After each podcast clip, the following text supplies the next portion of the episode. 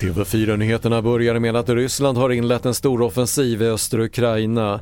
Det säger Ukrainas president Volodymyr Zelensky som kallar det slaget om Donbass och samtidigt ska nu de första leveranserna av ett amerikanskt jättelikt militärt stödpaket ha anlänt till Ukraina.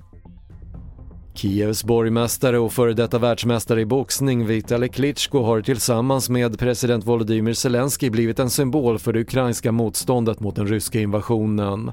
Och våra utsända har träffat honom. I still believe uh, the Russians have plans to come back to Kiev and that's why we prepare to any scenario, also for worst case scenario, ready to fight. We doesn't have another choice. Och påskhelgen blev en av de våldsammaste i Sverige och minst ett 40-tal har gripits eller anhållits, flera av dem minderåriga efter flera upplopp runt om i landet. Polisen blev hårt attackerad, anlagda bränder och skadegörelse men kostnaderna går ännu inte att överblicka.